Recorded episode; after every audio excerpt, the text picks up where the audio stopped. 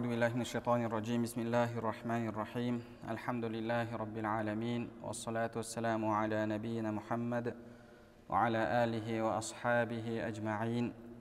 رب اشرح لي صدري ويسر لي أمري واحلل عقدة من لساني يفقه قولي. اللهم علمنا ما ينفعنا وانفعنا بما علمتنا وزدنا علما وعملا وتقا وإخلاصا يا رب العالمين. أما بعد السلام عليكم ورحمة الله وبركاته. Иншаллах алла субханала тағаланың қалауымен имам абу хамид ал ғазали рахмауллахтың ихя улумиддин кітабы бойынша нәпсін тәрбиелеу тақырыбындағы дәрістерімізді ары қарай жалғастырамыз біз сіздермен өткен дәрісте аллаға деген махаббат және разылық кітабын бабын тамамдаған болатынбыз имам абу хамид ал ғазали рахмауллах қарастырған келесі мәселе әл мунжият бабындағы яғни адамды адамның құтылуына себеп болатын сипаттар құтылуына себеп болатын мәселелер деген тақырыпта қарастырған келесі мәселесі бұл әнният уәл ихлас сыдық яғни ниет ықылас шыншылдық бабы болып табылады жалпы адам бақытқа біліммен және құлшылықпен жетеді. Біліммен және құлшылықпен яғни біліммен және амалмен жетеді.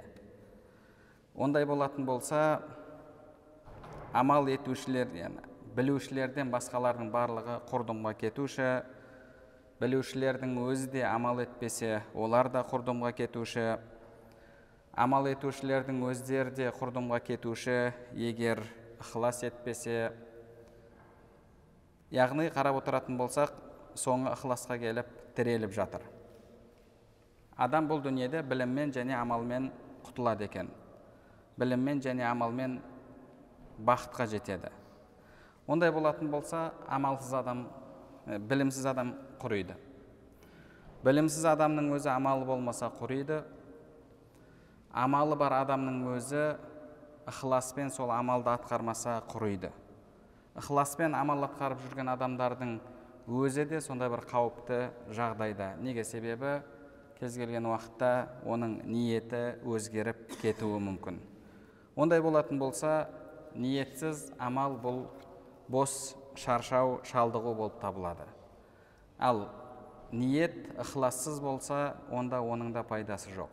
Яғни амал ниетсіз болмайды ниет ықылассыз болмайды. Себебі ниет деген кезде адам әр нәрсені ниет етуі мүмкін. Жақсы нәрсені жаман нәрсені. Жақсы мақсатты ниет етуі мүмкін жаман мақсатты ниет етуі мүмкін. Ондай болатын болса ниетіңізде ықылас болмаса онда ол ниеттің пайдасы жоқ.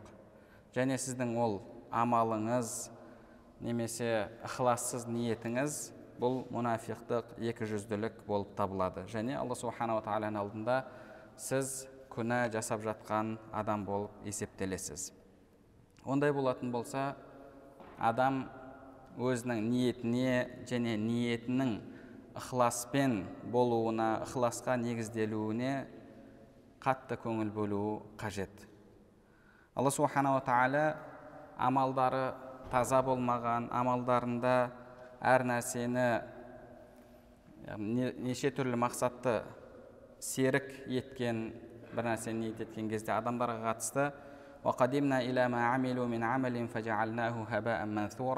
біз олардың амалдарын шаң тозаңға айналдырдық деді немесе күлге айналдырып жібердік деді яғни адамның ниетінің таза болуы халис болуы ықыласының күшті болуы бұл амалы үшін өте маңызды мәселе болып табылады ондай болатын болса адам ниетті білуі керек. Ниетті білмей ниеттің ақиқатын білмей сіз ниетіңізді түзете алмайсыз.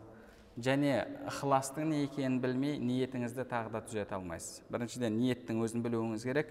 Екіншіден ниет еткен кезде ықылас деген нәрсе, нәрсе не? Біз қалай амал етсек ол амалымыз ықыласпен атқарылған амал болады. Соны білмесек онда біз ниетімізді тағы да түзете алмаймыз. Ондай болатын болса яғни біз осы ниет мәселесіне қатты көңіл бөлуіміз қажет ықыласты үйренуіміз қажет болып табылады. Енді бірінші имам абу хамид ал ғазали рахмауллахтың әдеті бойынша сол мәселеге қатысты келген аят хадистер сол мәселенің абзалдығына иншалла тоқталып кетсек. Алла субханала тағала құран кәрімде ниеттің маңыздылығын ескертіп олар сондай шын ықылас ниетімен алла тағалаға құлшылық жасауға бұйырылған еді дейді және алла субханала тағала басқа бір аятта ولا تطرد الذين يدعون ربهم بالغداة والعشي يريدون وجهه күндіз түні раббысына жалбарынып құлшылық қылатын алланың разылығын қалайтындарды жаныңнан қума деді яғни алланың разылығын қалайтындар яғни олардың ниеттері түзу ниеттері ықыласты ниет болып табылады. Алла субханала тағала ондай адамдарды жаныңнан қума дейді.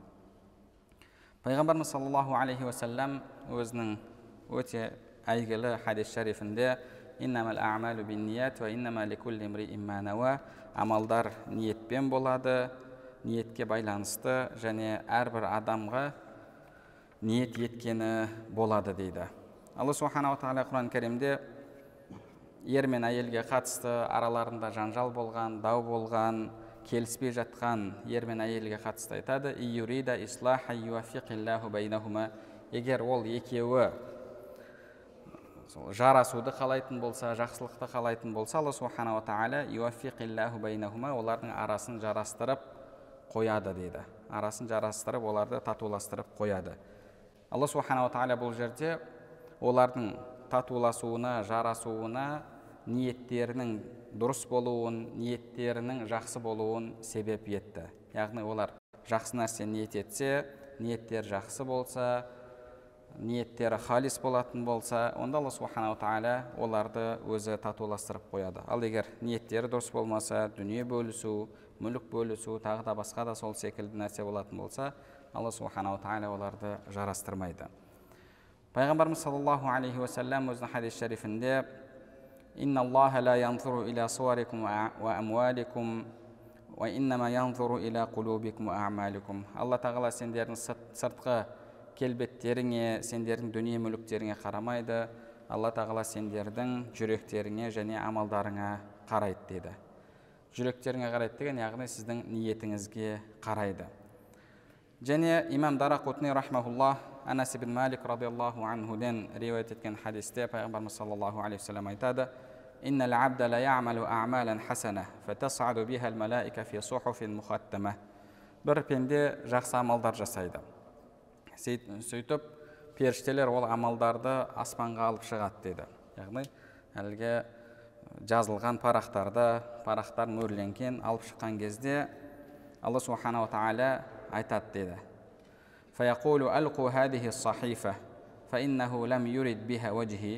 Мынау жазылған парақтарды тастай салыңдар ол бұл амалымен менің разылығымды ниет еткен жоқ. Кейін алла субханала тағала періштелерді шақырып айтады. Оған мына амалды жазыңдар мына амалды жазыңдар. Яғни оның дәптеріне мына амалды жазыңдар мына амалды жазыңдар деп айтады. Сонда періштелер уа раббымыз ол бұл амалдардың ешқайсысын істеген жоқ қой деген кезде алла субханала тағала ол оны ниет етті ол оны ниет етті деп айтады деді. Яғни адамның ниеті негізінде амалынан да маңызды және пайғамбарымыз саллаллаху алейхи уассалам имам термизи имам ибн мажалар риуаят еткен хадисте адамдар төрт түрлі болады дейді رجل آتاه الله عز وجل علما ومالا فهو يعمل بعلمه في ماله алла тағала бір адамға иман берген жүрегіне білім берген және дүние берген ол сол иманының нәтижесінде жүрегіндегі сенімнің нәтижесінде дүниесін жұмсайды. Яғни адамның жүрегінде ниет иманы болса алла тағалаға иманы күшті болатын болса ақиретке иманы кәміл болатын болса ол адам дүниесін қалай жұмсайды? Әлбетте алла разылығы үшін жұмсайды. Яғни ол солайша сол иманы оған бұйырғандай иманы талап еткендей дүниесін жұмсайды. فيقول رجل لو آتاني الله تعالى مثل ما آتاه لعملت كما يعمل فهما في الأجر سواء енді бір екінші бір адам алла тағала оған иман берген бірақ дүниесі жоқ ол адам айтады егер алла тағала маған да дүние бергенде әлгі адамға бергенде мен де сол секілді амал етер едім дейді бұл екеуі сауапта серік дейді яғни алла субханала тағала мына адамға да сондай сауап нәсіп етеді. Енді бір адам бар. Яғни үшінші адам жалпы төрт түрді төрт түрлі адам болады десек соның үшінші түрі алла тағала оған иман бермеген бірақ дүние берген. Енді ода иман болмағаннан кейін дүниесін оңды солды шашады харамға жұмсайды. Енді төртінші адам айтады.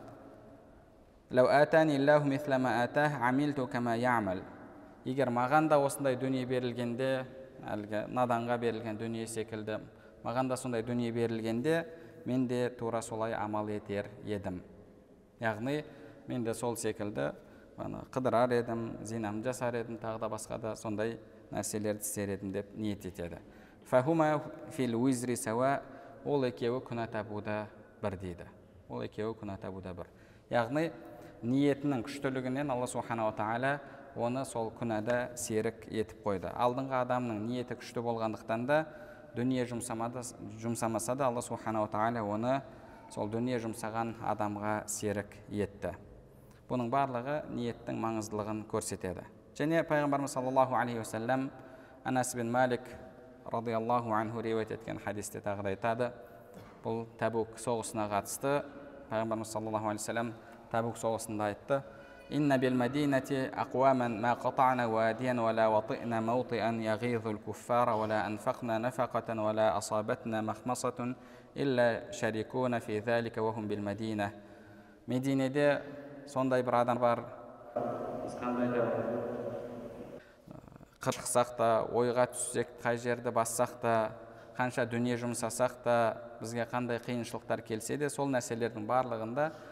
олар бізге серік деді.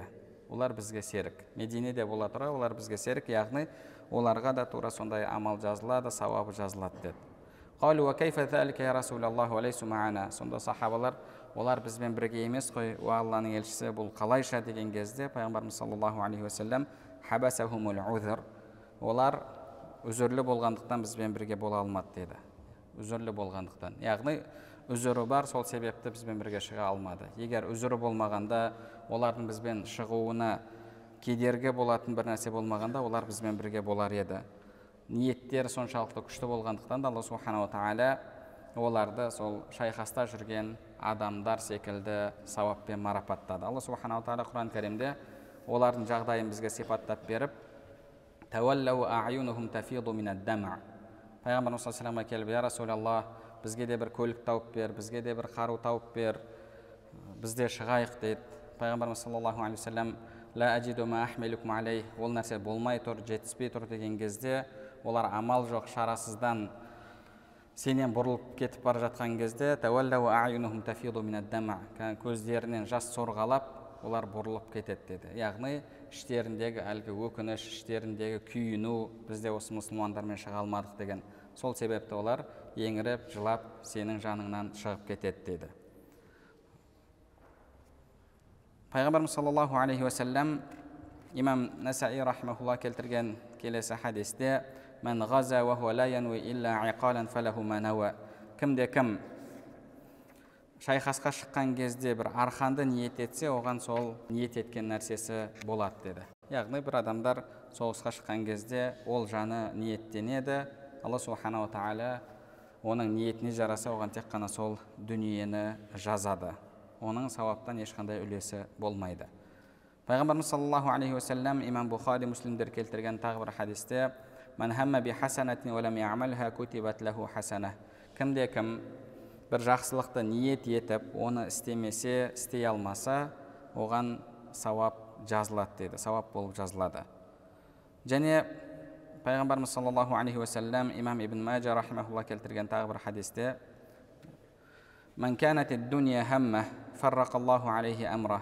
кімнің ниеті көздегені мақсаты дүние болатын болса алла субханала тағала оның ісін берекесіз етіп қояды деді деген оның ісін былай бөлшек бөлшек етіп тастайды ісі жинаңқы болмайды ісінде береке болмайды және әлгі кедейлікті оның екі көзінің арасына кедейлікті бекітіп қояды дейді яғни ол әлгі кедейліктен қорқады кедейлікті ғана уайымдайды. Енді қанша тырысып әрекет етсе де сол кедей болып қалмайын деп кедейліктен қорқып оған дүниеден тек қана жазылғаны ғана келеді деді дүние мүліктен. Қанша әрекет ет соңында алла субханала тағаланың жазғаны келеді одан артық ешнәрсе келмейді. Енді кімнің ниеті ақирет болатын болса ақиретті көздесе ақиретті мақсат тұтса алла субханала тағала оның ісін жинап береді яғни ісі жинаңқы болады ісінде береке болады және оның байлығын жүрегінде етеді деді алла субханала тағала оған оның жүрегіне қанағатты береді негізі ғұламаларымыз айтпақшы әл негізгі байлық бұл жүректегі қанағат болып табылады ол үлкен қазына таусылмайтын алла тағала байлығын жүрегінде етеді және дүние қаламаса да оған келеді деді дүние қаламай тұрса да дүние қор болған халде оған келеді деді басқа бір хадистерде дүние оны қуады қуып артынан келеді деген риуаяттарда бар. Пайғамбарымыз саллаллаху алейхи уассалам тағы бір хадисінде айтады егер екі мұсылман бір біріне қару көтеріп сол соғыс алаңында бір жерде кезігетін болса онда өлген де өлтірген де тозақта деді. Сонда сахабалар енді өлтірген адам түсінікті ғой бірақ өлген адам не үшін тозақта болады деген кезде пайғамбарымыз саллаллаху алейхи вассалам себебі ол да өзінің бауырын өлтіруді ниеттенді қалады дейді. Алла субханала тағала сол ниеті үшін оны да тозақы етті. Хадисті имам бұхари имам муслимдер риуаят еткен. Имам бәззар рахимахуллах мұснадында риуаят еткен хадисте әбу хурайра радиаллаху анху айтады пайғамбарымыз саллаллаху алейхи вассалам былай деді من تزوج امرأة على صد... على صداق على صداق وهو لا ينوي أداءه فهو زان егер қайсы бір еркек белгілі бір мәһірге бір әйелмен келісіп үйленсе бірақ ниетінде сол мәһірді төлеу болмаса онда ол зина жасаушы адам дейді онда ол зина жасаушы адам яғни мәһір мәселесі бұл да өте маңызды мәселелерден адам мәһірін міндетті түрде беруі керек. Ол алла тағаланың алдындағы қарыз болып табылады. Егер мәһірдің иесі кешпесе онда ол адамның алла тағаланың алдында күнәһар болуы сөзсіз. Және ниетінде төлеу болмаса онда ол адам зина жасап жүрген адам сияқты күнә алады. Зина жасап жүрген адам сияқты күнә алады енді альхамдулилля біздің елдерде бұл мәселе қатты бір күрделі мәселе емес ә, мәһір мәселесі бірақ мынау араб елдеріне қарайтын болсақ менің білуімше түркияда да тура сондай оларда мәһір өте қымбат келеді қымбат келеді бірақ қымбат келгенде оның муаджал муаджалы болады муаджал алдын ала төлейтіні муаджал кейінге қалдырылатыны алдын ала төлейтіні үш төрт мың доллар болса тағы да бір үш төрт мың долларға алтын алып беруі керек. Яғни бір жеті сегіз мың долларға шығынданады. Одан кейінге қалдырылатыны енді ол кемінде бір килограмм алтын екі килограмм алтын кейде үш килограмм төрт килограммға дейін кетеді. Алтынмен жазылады солай. Және оны жазғанда да мешітке келіп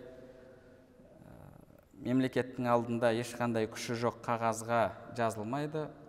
Оларда бұл жалпы азаматтық кодекс мәселесі жалпы үйлену мәселесі ол мемлекеттік деңгейде мұсылмандардікі мұсылманша өтеді христиандардікі мысалы кейбір елдерде христианша өтеді. Жалпы яғни шариғаттың талаптары мемлекеттік загста толық сақталады мұсылмандар үшін.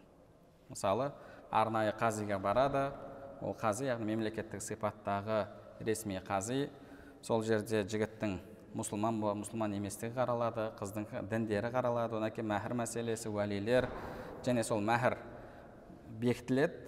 Одан кейін енді көп жағдайда әйел оны кешіп жатады.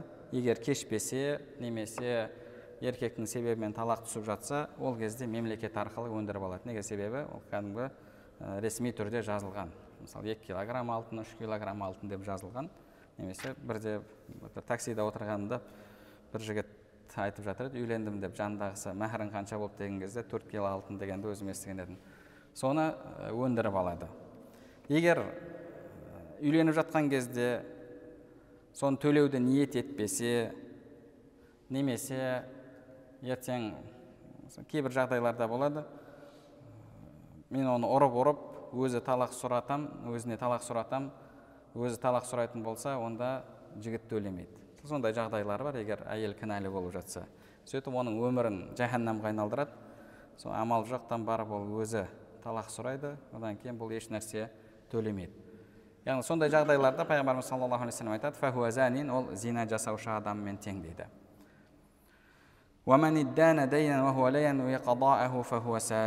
енді кімде кім қарыз алып бірақ ниетінде қарызды қайтару болмаса онда ол ұры дейді.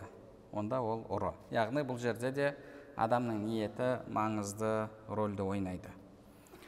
Пайғамбарымыз саллаллаху алейхи уассаламның сахабаларынан басқа да ғұламалардан ниетке қатысты келген көптеген сөздер бар. Сол сөздерден омар ибн хаттаб радиаллаху анхудың сөзі амалдардың ең абзалы алланың парыз еткен нәрсесін орындау дейді. Тақуалық бұл алла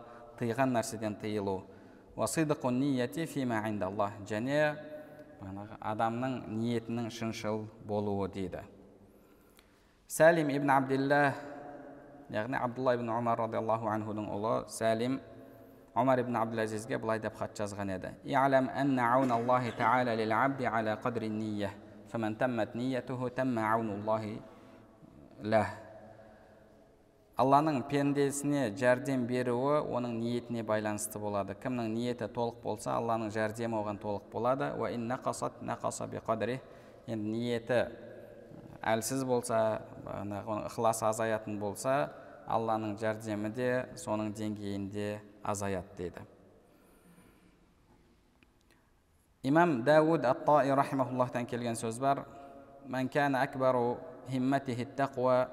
فلو تعلقت جميع جوارحه بالدنيا لردته نيته يوما إلى نية صالحة егер кімнің ниеті дұрыс болып тақуалығы болса яғни ниеті дұрыс болса ішінде бір шыншыл ниеті болатын болса ол адамның сыртқы ағза мүшесі яғни бүкіл денесімен дүниеге жабысып қалса бір күні оның жақсы ниеті оны жақсы амалға қайтарады дейді жақсы амалға қайтарады надан адам да тура сондай яғни бір адам тақуалық жасап жүрген сияқты болып жүр амалдарды жасап жүр. Бірақ оның ішінде ниеті дұрыс емес. Ниетінде бір проблема бар. Сол ниеті бір күні көрініп оны жаман амалға тартады. Осы мағынада пайғамбарымыз саллаллаху алейхи уассаламнан келген хадис бар. Сәхл ибн саад радиаллаху анху риуаят еткен. Мысалы бір адам адамдардың көзінде жақсы көрінген жақсы болып көрінген амалды жасайды дейді. Хадисте фима яғни сыртқы көріністе амалы жақсы сондай амалды жасап жүреді. Бірақ оны, онымен өлімнің арасында азғантай уақыт қалған кезде ол керісінше жаман амалға ауысып кетеді. Енді екінші бір адам жаман амал жасап жүреді бірақ өлімге аз қалған кезде ол адам керісінше жақсы жаққа өзгереді. Бұл да адамның ішкі ниетіне байланысты яғни әлгі жақсылықты жасап жүрген адамның бәрібір жүрегінің түбінде бір проблема бар. Сол проблема сол ниет соңында шығады. Екінші бір адам мысалы күнәһар бірақ әйтеуір ішінде бір өкініші бар ішінде бір жақсы ниеті бар бір күні сол ниеті басым келеді сонымен ол жақсы жаққа қарай өзгереді. Имам тәури рахмауллахтан келген сөз бар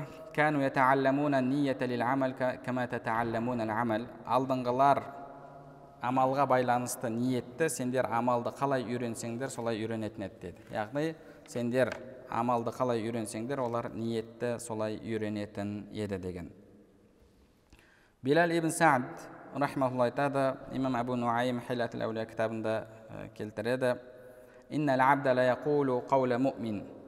бір пенде мүмин адамның жақсы адамның сөзін айтады.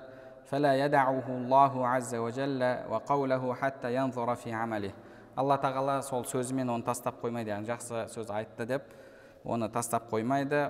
Оның амалына қарайды дейді алла тағала. Егер амалы да болса алла тағала оның тақуалығына қарайды дейді. Тақуалығына қарамай оны тастап қоймайды. Егер тақуалығы да болса онда оның ниетіне қарайды дейді. Нені ниет етті? Әлгі сөзді айтқан кезде немесе бір істеген кезде. Егер ниеті дұрыс болатын болса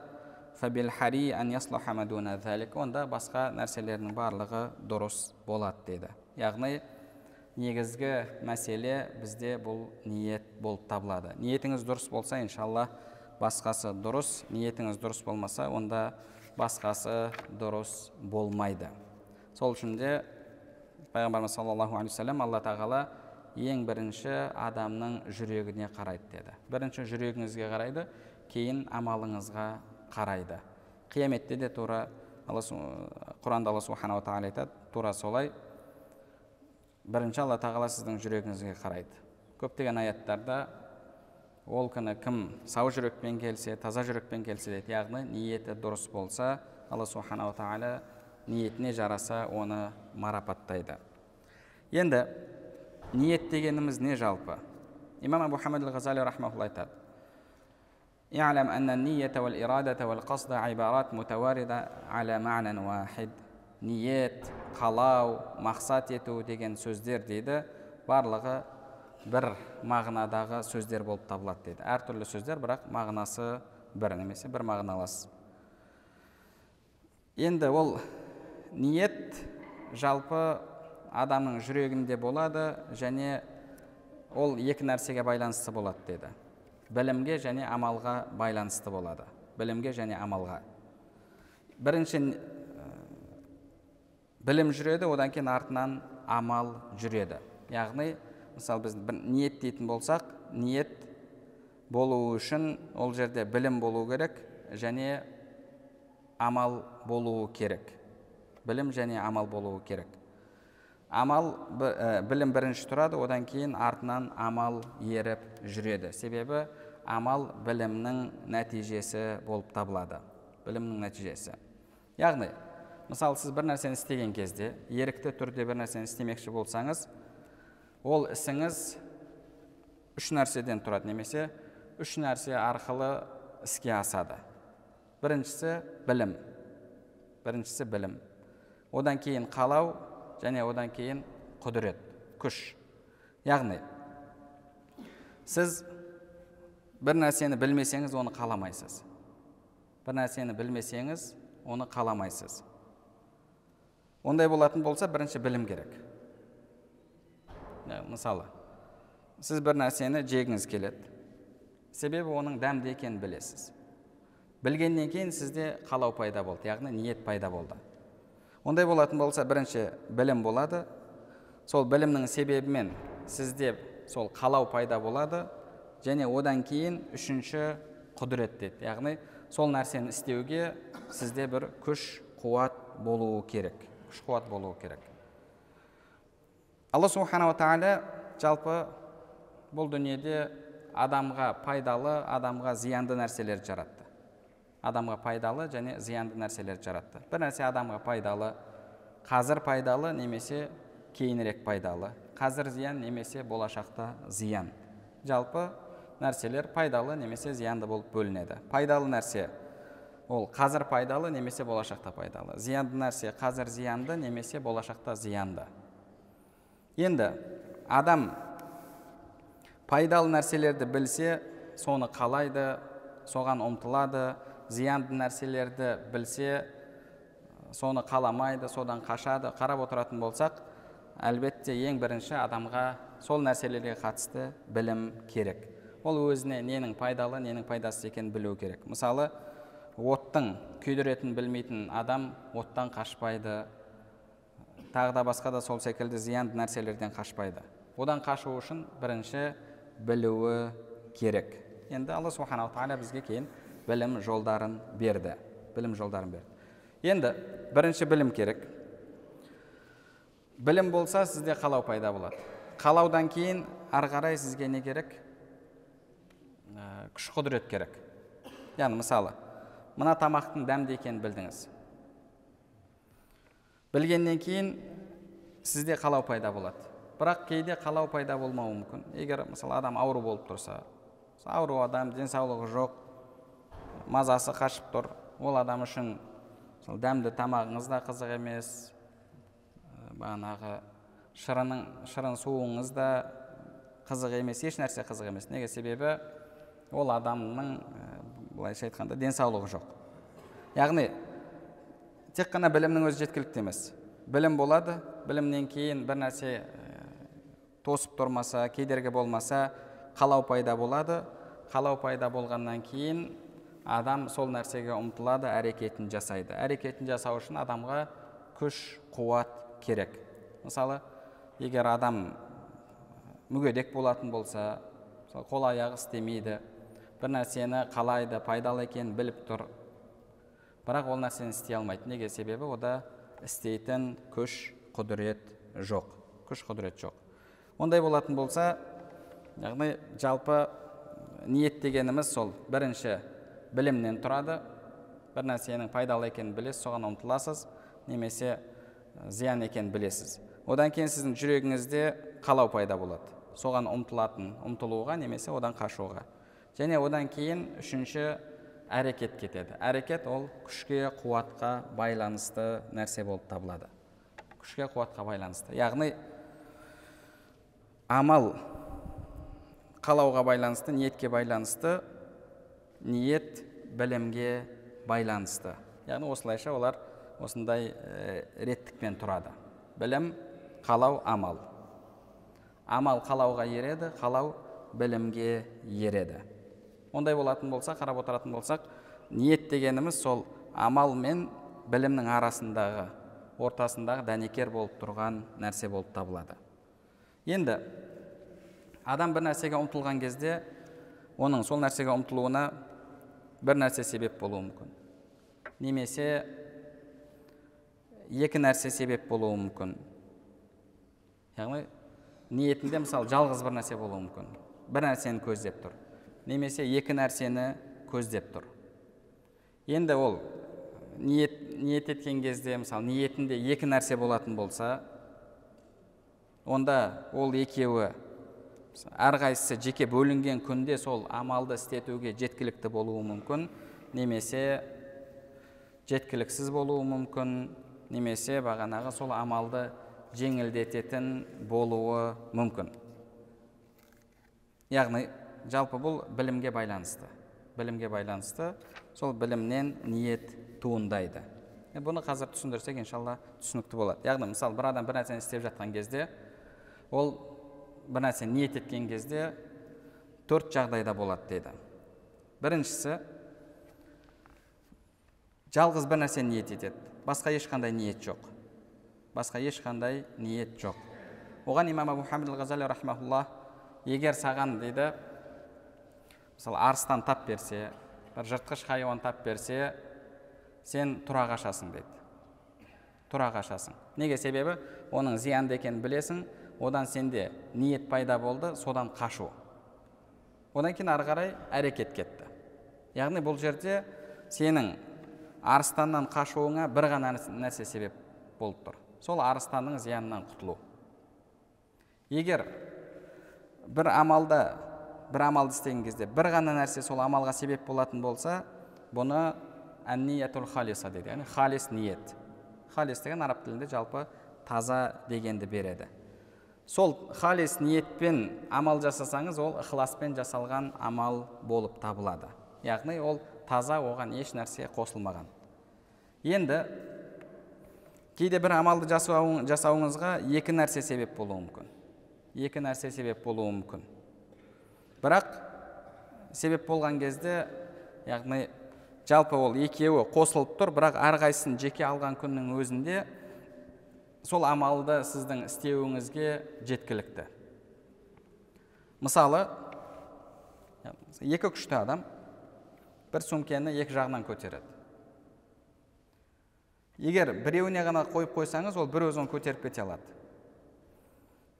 Екі, екі адам да сондай күшті адам. Бір нәрсені ортақтасып көтереді бірақ әрқайсысы жеке оны көтере алады. Яғни жалпы жақындату үшін айтылған мысал. Оған имам әбу хамид ғазали рахмаулла мынандай мысал келтіреді. Сізге келіп ә, туысқаныңыз кедей туысқаныңыз садақа сұрайды. Садақа сұрайды. Сіз оған көмектесесіз. Көмектескенде екі себеппен көмектесіп тұрсыз біріншіден кедейлігі үшін екіншіден туысқандығы үшін кедейлігі үшін және туысқандығы үшін енді бұл жерде осы екі себеп екі бөлек болса да сіз ол адамға көмектесер едіңіз яғни мысалы сізге бай туысқаныңыз келді көмектесші деп сіз оған көмектесесіз не үшін туысқандығы үшін кедей туысқан емес адам келді жәрдем сұрап сіз ол адамға көмектесесіз не үшін кедейлігі үшін енді мынау сіздің туысқаныңызда осы екі себеп жиналып тұр. Әрі туысқаныңыз әрі кедей. Бірақ екеуі екі бөлек болса да сізге сол амалды жасата алады. Яғни сізге бір кедей келсе туысқаныңыз болмаған кедей келсе сіз оған көмектесесіз кедейлігі үшін. Егер туысқаныңыз келсе кедей болмаса да сіз оған көмектесесіз туысқандығы үшін. Ал енді кейде сол екі себеп бір жерде жиналуы мүмкін. Бұны имам абу хамид ғазали рахмаулла мұрафақатул бауаиф дейді яғни жалпы ниеттердің бір бірімен жолдас болуы дейді жолдас болуы енді үшінші жағдай екі себеп болады бір амалды жасауыңызға екі себеп болады бірақ егер ол екі себеп бөлінетін болса бөлінсе сізге әлгі амалды жасата алмайды оған әлгі сөмкені мысал келтіретін болсақ яғни бір ауыр сөмке екі әлсіз адам көтеріп тұр. Екі жағынан көтерді. Егер бір әлсіз адамға соны беріп қоятын болсаңыз өз алдына көтере алмайды. Өз алдына көтере алмайды. Мынаған көтер десеңіз ол да көтере алмайды. Екіншісіне көтер десеңіз ол да көтере алмайды. Бірақ екеуі қосылған кезде әлгі сөмкені көтерді. Сол сияқты ниетте мысалы сізде екі ниет болады. Егер біреуі жоғалып кетсе екіншісі әлгі амалды сізге жасатуға әлсіздік танытады күші жетпейді. Екеуі жиналады сол кезде сіз әлгі амалды жасайсыз. Яғни мысалы оған имам мұхаммед ғазали мына мысалды келтіреді. Егер сізге туысқаныңыз келсе бай туысқаныңыз келеді көмек сұрап немесе жағдайы бай демесек те жағдайы жақсы туысқаныңыз келеді көмек сұрап сіз оған бермейсіз. Сіз оған бермейсіз. Сен байсың ғой деп. Бір кедей келеді туысқаныңыз емес сізге, сізден көмек сұрап сіз оған тағы да бермейсіз. Неге себебі ол туысқаныңыз емес. Бөтен адам бөтен адамға бергіңіз келген жоқ. Ал бірақ кедей туысқаныңыз келген кезде кедей туысқаныңыз келген кезде сіз оған туысқандығы үшін және кедейлігі үшін бердіңіз. Егер ол тек қана мысалы туысқан болатын болса сіз бермес едіңіз. Немесе тек қана кедей болса туысқаныңыз болмаса бермес едіңіз. Осы екеуі жиналған кезде сіз оған көмектестіңіз. Бұны имам абу хамид ғазали рахмаулла әл мушарака яғни ниеттегі серіктестік дейді. Ниетте екі үш бір екі нәрсенің немесе үш нәрсенің серіктесуі. Және оған тағы да бір мысал келтіреді. Бір адам жұрттың көзінше садақа береді. Ниеті бір жағынан сауап жинау екінші жағынан адамдардың адамдардың алғысын алу адамдардың алғысын алу егер жеке өзі қалса мысалы адамдар болмаса бергісі келмейді. Неге себебі? Адамдар көріп тұрған жоқ. Енді адамдардың алдында келіп одан садақа сұрап тұрған адам пасық болса мысалы күнәһар адам болатын болса тағы да бермейді. Неге себебі? Бұл күнәһар ғой. Бұған бергеннен қандай сауап аламын деді. Яғни мысалы бізде көшеде әлгі аузынан арақ сасып нанға берші тамаққа берші деп мысалы біреу келіп тұрады. Сен білесің оның арақ ішіп жүргенін адам сәл қолына жүз теңге түссе барып арақ сатып алатынын білесің. Енді сауапты ниет етіп бергің бергің келеді бірақ ананың жағдайын көресің да бұған бергеннен қандай сауап керісінше күнә алып қаламын ғой дейсің да бермейсің. Яғни әлгі адамның жағдайында мысалы ол жеке қалса бермейді неге себебі адамдардың мақтауына іліне алмай қалады адамдарға көріне алмай қалады. Бірақ сұрап келуші пасық болса енді бұған бергеннен қандай сауап сауап жоқ қой деп бермейді. Яғни ода екі ниет бар. Бір жағынан сауап алғысы келіп тұр бір жағынан адамдардың мақтағанын қалап тұр. Осы екеуі жиналған кезде ол адам әлгі амалды жасап жатыр. Енді төртінші жағдай. Екі түрлі себеп. Бірақ біреуі күшті біреуі әлсіз. Біреуі күшті біреуі әлсіз. Яғни мысалы әлгі сөмкені мысалға келтіретін болсақ бір әлсіз адам күшті адамға сөмкені көтеруге көмектесті. Бірақ егер сол сөмкені әлгі күшті адам өзіне беріп қойсаң ол көтеріп кете береді. Әлсіз адамның өзіне беріп қойсаң ол көтере алмайды. Ол көтере алмайды. Бірақ анаған қосылған кезде яғни сәл мынау күшті адамға салмақты жеңілдетті сәл жеңілдетті. Яғни бір ниет күшті екінші ниет әлсіз. Мысалы бір адамның намаздан кейін отырып тартатын тәсбихі айтатын зікірлері бар. Оқитын құраны бар. Күнделікті ол сол амалдарды жасайды.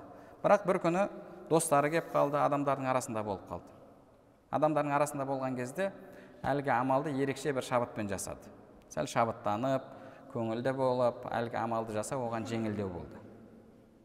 Мынау адамдардың болуы бұл тек қана әлгі істі жеңілдетті. Бірақ ол адамдар болмаған күнде де ол сол амалды жасап жүр өз алдына.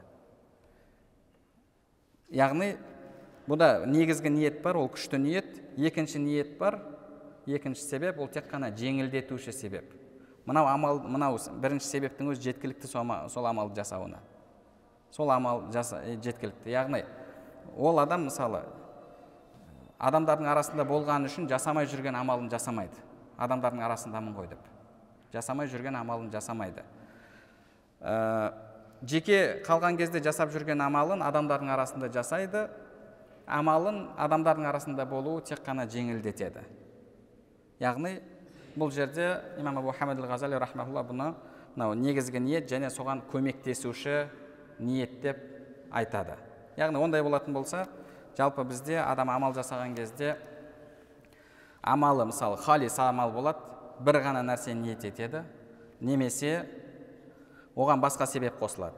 Ол себеп қандай себеп? Яғни екеуі де күшті себеп болуы мүмкін. Ажыраған күнде де әрқайсысы өз алдына сол амалды жасата алады.